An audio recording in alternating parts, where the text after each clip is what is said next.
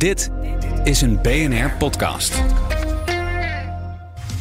Wetenschap vandaag. Ja, terwijl wij hier tijdens de jaarwisseling voor miljoenen het vuurwerk omhoog zagen gaan, ging er in Antarctica iets heel anders de lucht in. Een gigantische ballontelescoop.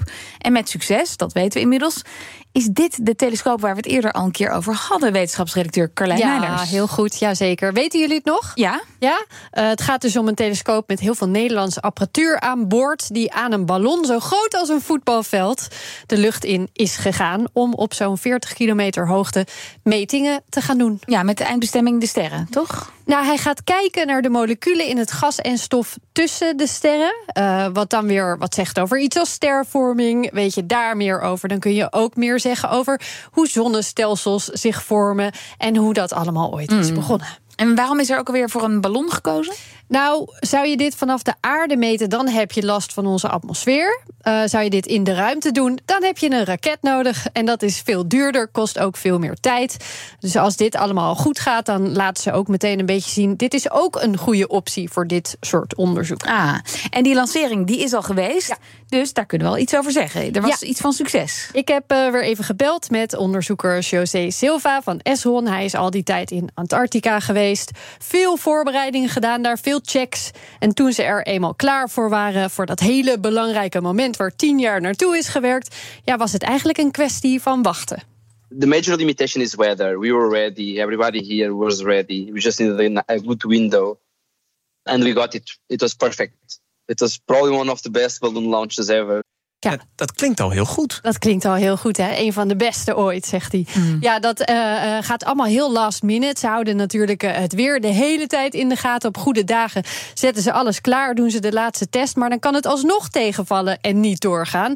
Maar op Oudjaarsdag waren de omstandigheden goed genoeg. Ook een paar uur voor dat lanceermoment nog. En dan gaan ze een stapje verder en wordt de ballon aan de telescoop vastgemaakt.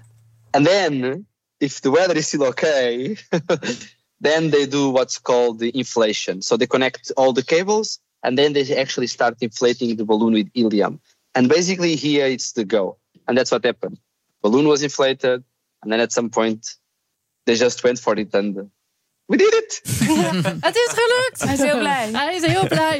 Eh, hij is dus goed de lucht ingegaan. Eerste checks zien er ook allemaal oké uit. En nou was het mooie, op de laatste dag van het jaar houden ze daar op de basis, waar eh, nog veel meer onderzoekers natuurlijk rondlopen, een festival. Doen ze al sinds 1989. Het meest zuidelijke festival ter wereld. Ice Stock heet het en dat klinkt ongeveer zo.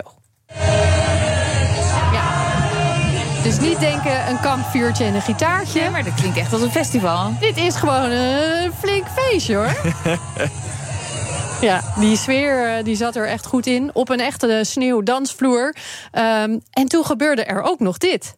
Everybody was partying. The main stage is facing the direction of where we are, actually. So what happened was the balloon went up perfectly behind the main stage. So everybody, at some point, everybody notices that everybody stops and everybody starts singing LDB, LDB, which is the name of the place where we are right now. Ja, kun je het je voorstellen? Prachtige, heldere dag, omgeven door sneeuw en ijs, zover je kijkt. En terwijl je wacht op het einde van het jaar, zie je die enorme ballon achter het podium de lucht ingaan. Wauw. It's poetic, you know. It's, uh, it's hard to explain the, the feeling of how everything in the end just come together so well in this epic day. Ja, episch was Toch, het. toch denk ik dan wel. Je ziet bij de NASA altijd van pas als hij eenmaal de lucht in is, het is gelukt, gaan ze feesten. Maar zij waren dus aan het feesten nog voordat die ballon eigenlijk eh, wel goed en wel op 40 ja, je, kilometer ja, je was. moet even bedenken dat de mensen die met deze missie bezig waren... waarschijnlijk nog niet, Niet op aan de het dansvloer feesten, stonden. Oh, oké. Die zijn er vast later naartoe gegaan. eh, maar die waren Maar druk mooi bezig. beeld. eh, Mooi dat- filmbeeld. Dat, moet heel bizar zijn om daar te staan en dat mee te maken. En, en meet de telescoop al? Kom- Komen er al data binnen? Afgelopen week was een week vol testen. Daarin wordt dan gekeken of alles het na de lancering en op hoge hoogte nog steeds goed doet. Want daar zijn de omstandigheden weer heel anders. Dus dan pas weet je eigenlijk zeker of de telescoop zijn werk kan gaan doen.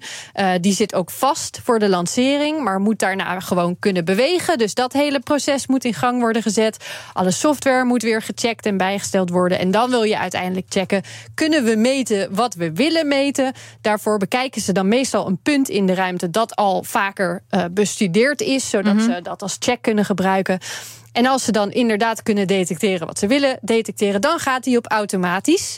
En komen de metingen de komende 50 dagen uh, vanzelf binnen en kunnen de wetenschappers daarmee aan de slag. En dat meten, gaat dat al goed? Weten ze dat? Nou, daar, daarover komt uh, ja, één deze dagen, weken uh, waarschijnlijk een officiële mededeling van NASA naar buiten.